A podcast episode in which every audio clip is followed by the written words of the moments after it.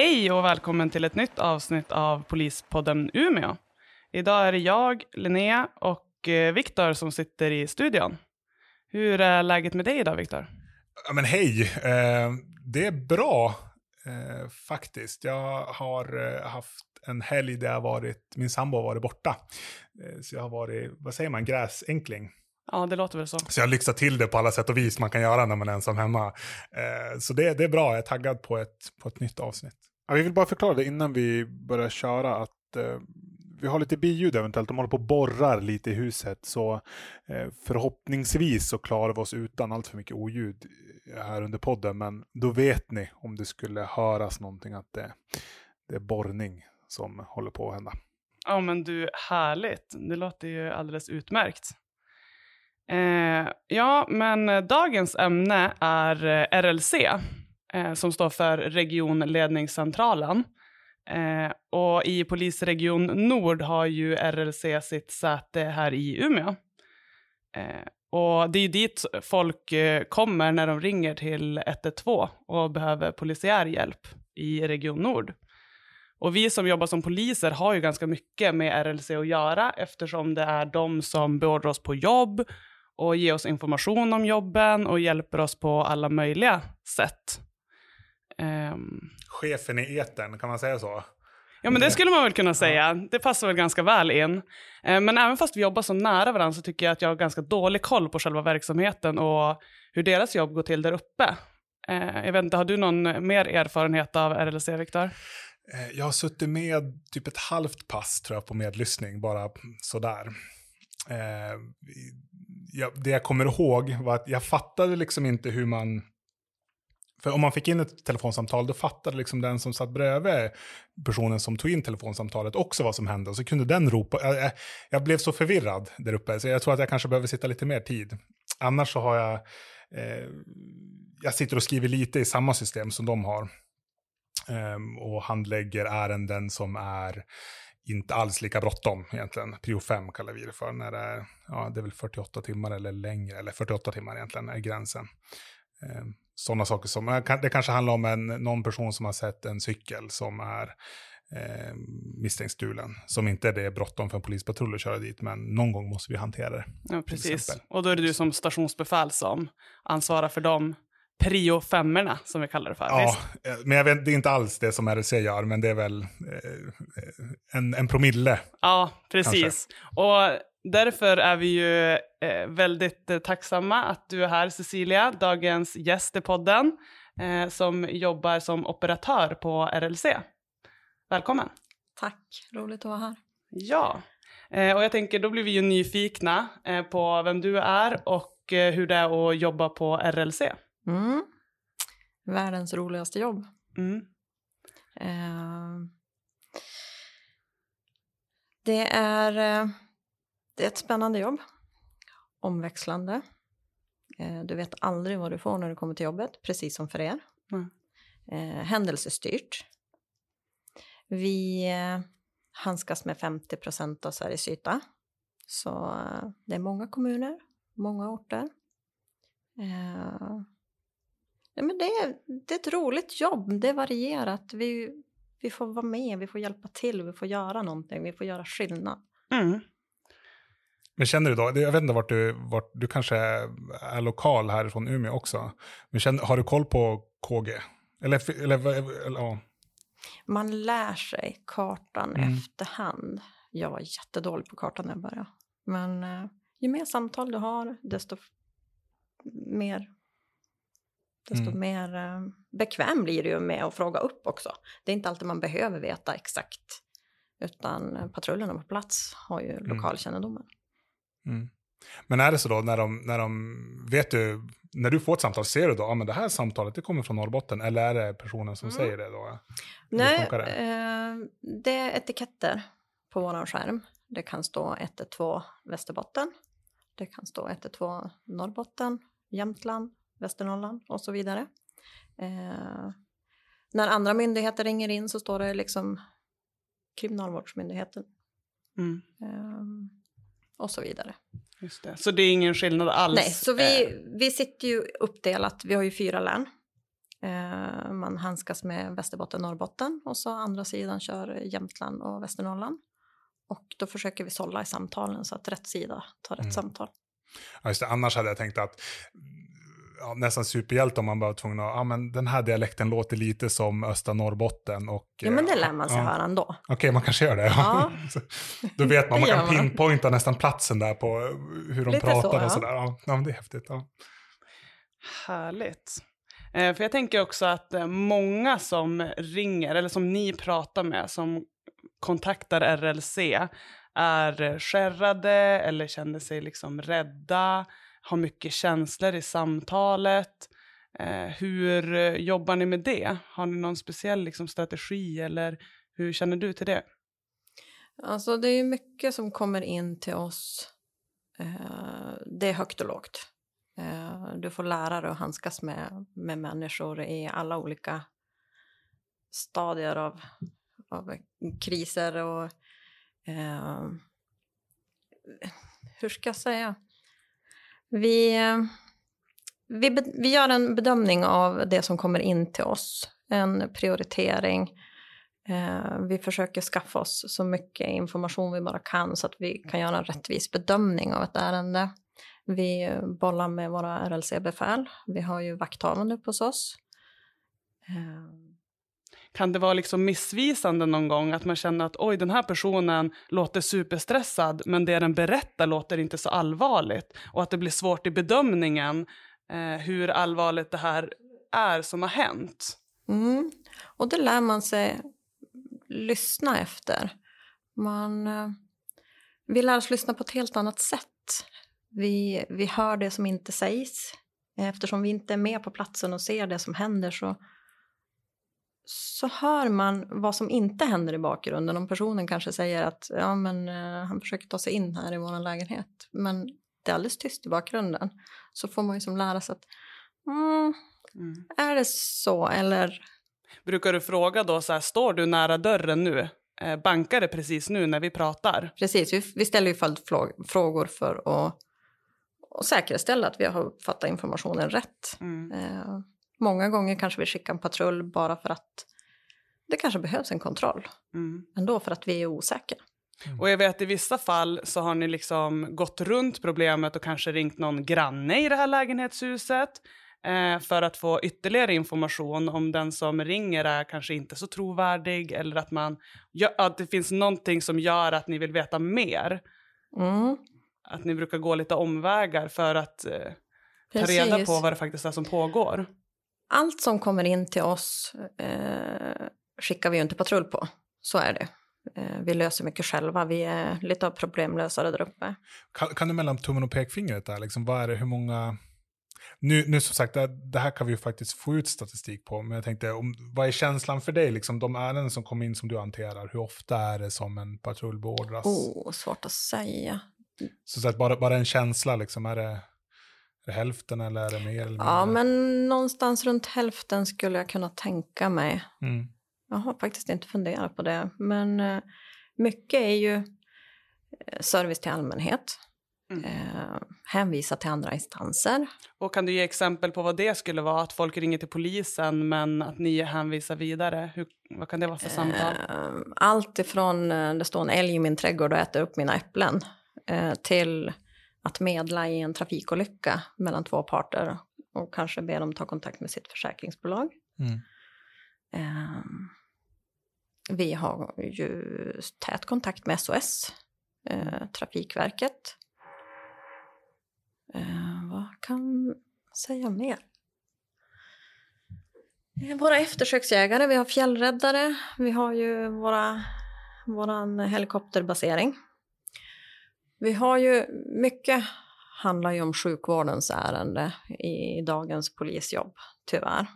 Det är många som mår dåligt. Eh, vi kan ju prata med en person i telefonen under tiden ni åker fram. Det kan också vara ett samtal där någon bara behöver prata av sig en stund och så är det bra så. Och då har vi ju som gjort det vi kan uppe på RLC. Då behöver vi inte skicka en bil. Då kanske den bilen får åka på ett, ett jobb där de behövs bättre. Mm. Så vi gör det vi kan där uppe för att lösa det utan att skicka en bil.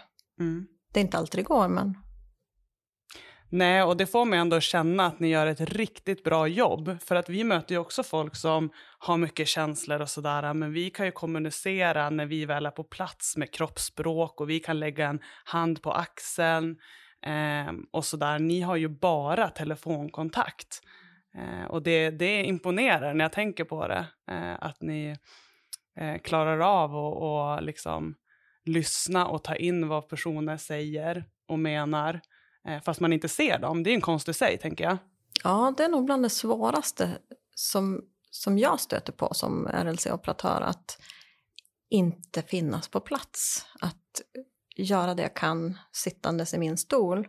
Eh, det, är det svåraste med det här jobbet är att, Eh, att det är svårt att inte kunna se utan bara höra det som händer på plats. Eh, jag kan få 300 i puls sittandes i en stol bara av att höra skiftningen i patrullens röst. Eller höra den här personens panikskrik och inte se vad som händer utan försöka lyssna mig till och bilda mig en uppfattning. Vad skickar vi in patrullen i? Mm. Vad är det som händer innan ni kommer fram på plats? Precis, det där är ju intressant för det så är det ju ungefär likadant när, när ni ropar ut jobb till oss. Eh, att ert tonläge initialt, alltså på första ordet, sätter liksom prägel på vad det här är för typ av jobb. Om det är bråttom. Man hör ju ganska snabbt på radion om operatören som ropar upp låter stressad eh, innan man ens har hört hela sammanhanget och vad det är för typ av jobb. Sen, finns det, sen är det någon, jag vet inte vem det är, som alltid fintar mig i det där. Så jag tror alltid att det är, det är, en, det är en person, jag vet inte vem, men det är en manlig, manlig röst i alla fall, som alltid säger nu jäklar, nu håller jag. Du får komma upp och lyssna. Ja, jag tror nästan det, jag måste göra det. Eh, jag har inte vant mig riktigt. Men det är bra, man ska vara på tårna. Ja, exakt. Jo, men så är det. Alltså, vi ska förmedla trygghet och lugn samtidigt som vi gör mycket eh, simultant. Eh, vi jobbar ju ärendena samtidigt. Min kollega kanske har samtalet. Eh, en annan kollega beordrar ut bilar över radion. Och jag kanske hjälper till att leta personer. Har vi någon historik? Vi har ju många register att slå i. Eh, finns det information om de här personerna som är berörda sedan tidigare? Är de kända av oss? Precis, det lagras ju eh, så, att, så att ni kan se om de här personerna varit inblandat i någonting tidigare. Precis. Eh. Är det något patrullen behöver veta om? Eh, är personen farlig? Eh, kan det finnas gömda vapen? Och sådana bitar, det måste vi ju vara noga med att förmedla också så att patrullerna känner sig trygg och säker. Vet att de har RLC i ryggen. Vi gör det vi kan för att de ska känna sig trygg. Vad, vad var det som gjorde att du, att du ville börja jobba här då? Alltså på RLC? Eller inom polisen? Min vilja att hjälpa. Um, man mår bra av att göra skillnad, att kunna göra någonting. Man skulle vilja hoppa genom telefonen ibland och vara med på plats och se personen, personen och prata med dem. Ehm, men det gör ganska gott att gå hem efter en dag och veta att man har gjort det man har kunnat för någon. Man har gjort skillnad för någon. Var det som du tänkte då? Ja, men när du, innan du började jobba eh, inom polisen och, och nu när du faktiskt gör det? Har du reflekterat någonting över det? Hur ser skillnaden ut där? Liksom? Jag hade inte så mycket erfarenhet och information om RLC överhuvudtaget. Det står ganska lite om det när man eh, googla runt och så. Så jag hade egentligen inte så mycket förväntningar på vad det var för något. Eh, jag har alltid tyckt att polisyrket har varit intressant, men det har aldrig blivit läge att söka. Så när den här chansen kom upp så då kunde jag bara inte låta bli. Och sen gick man och höll tummarna i evigheter och till slut mm. så, ja det blev bra. Det blev om, du, skulle bra. Få, få beskriva det för din, för ditt före detta jag, eller om man säger så, liksom innan, du som inte visste någonting förut, men nu vet du. Liksom. Hur, hur skulle du beskriva att det är? um, oj, stor, svår fråga. Nej, men du får vara problemlösare i vardagen. Du får vara med och peta överallt. Det är ju, ledningscentralen är ju som centrum av den operativa verksamheten. Mm. Eh, det är så mycket information som flödar. Du ska kunna bearbeta information, mycket information på kort tid och göra en, en sammanställning i huvudet lite snabbt. Vad är det jag har? Eh, vad behöver vi ut med? Sen har vi ju väldigt duktiga befäl. Jättebra befäl att bolla med när vi liksom fastnar. Vi gör ju mycket själva, operatörerna. Men det är skönt att ha dem i ryggen. Och som civil så har man inte samma ryggsäck som polisen har eh, efter, efter de har gått utbildningen. Utan vi får ju som lära oss efterhand. Mm. Eh, mycket juridik, taktiskt tänk. Eh, vi är några av oss som har lite mer kompetens i försvunna personer. Mm. Ledningsstöd. Hjälpa polisman ut att leda insatsen med försvunna. För då kan det väl vara ibland att om det blir en större insats gällande försvunnen person, att man faktiskt får åka ut också? Ja, det händer. Det händer. Mm. Uh, inte så ofta, men uh, det gör vi ibland mm. för att kunna vara ett stöd på plats. Sen har vi ju de insatser man, man jobbar med ibland kan ju spänna över flera dagar. Mm. Så att vi löser av varandra. Eh, och då gäller det att kunna sålla informationen och vara med på banan i alla fall. Jag kan tänka mig dag tre där, det är en ganska lång lista med vad man har gjort och inte gjort och information som kommer in och så ska man ta in allt det när man kommer Ja, mycket resurser som har bytt plats. Ja, har vi helikopter? Har vi inte helikopter? Mm. Har vi hund? har vi inte hund. Det är ju liksom olika från dag till dag också. Men eh, ja, vi, gör, vi gör ganska mycket olika typer av jobb och beroende på vad det är så får du som ställa om. Mm. Härligt. Och om man är intresserad av att jobba på RLC eh, som operatör, behöver man någon utbildning eller hur fungerar det om man, om man vill söka tjänst där? Utbildningen den får du av myndigheten. Mm. Eh, det är nästan ett halvår med olika typer av det är juridik, det är samtalshantering, våra system. Vi har ju ganska komplexa system. Eh, du ska vara dataorienterad. Du ska kunna hantera mycket system samtidigt. Eh, men sen är det ju också lämplighet som person. Är du utåt, framåt, nyfiken? Mm. Eh, kan du hantera många bollar samtidigt? Um. Just det, och den utbildningen är på, på arbetstid då? Den är, är på ingen, arbetstid, det är ingen så här, ja. Eh, universitetsutbildning liksom, utan du gör det på din arbetstid, den utbildningen? Precis. Mm. Eh, varvas med praktik inne i trafikrummet. Och sen är det en certifiering då när man är färdig. Um, fantastiskt roligt. Det är det roligaste jag har gjort faktiskt, mm. att börja här. Mm. Vilka egenskaper tror du är viktig eh, att ha när man jobbar på RLC? Oj. Alltså vi är ju, vi är ju så olika som människor. Eh, och vi behöver alla bitar där uppe. Mm. Vi behöver de som är lite snabba framåt. Vi behöver de som är lite mer eftertänksamma. Och... Så jag skulle vilja säga att tycker man om att jobba med människor, tålamod, eh, samtidigt ska du vara nyfiken och, och vilja framåt, gräva, gräva mer, finns det mer? Mm. Men det är väl ganska naturligt ändå att, att men, Polismyndigheten ska väl också spegla samhället där ute. Vi kan ju inte alla vara, som du säger, alla är inte framåt eller alla är inte Nej, man behöver alla. Eller sådär, utan man behöver kanske alla för att spegla människorna som man faktiskt också hanterar. Ja. Eh. Och jag tror att eh, kan du ta människor, kan du ta människor i sorg, panik, arga, utan att liksom gå upp i taket själv, så, så kommer du ganska långt. Eh, kunna prata och ta människor. Men Cecilia, för, vår, för våra lyssnare, alltså hur, Hur låter det när man, alltså när det borde ut en polispatrull via radion? Kan du inte ge några exempel? Jo, det skulle jag kunna göra. Eh, vi säger att ni ska få åka på ett överfallslarm eh, på tågstationen. Så då går jag helt enkelt ut på order och så ropar jag på en bil som jag vill ska åka på det här ärendet och det kan låta så här. Order eh, Umeå 129110 från 10 Ja, 129110 lyssnar polisstationen kom.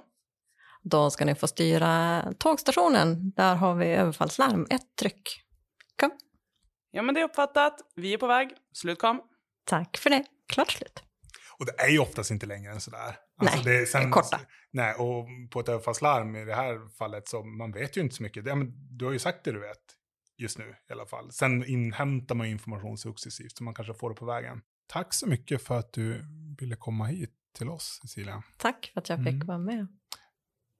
Och eh, med det så säger vi också eh, tack för oss. Vi syns nästa avsnitt. Då ska vi ha något nytt och också spännande att prata om. Hej då! Hej då! Hej då!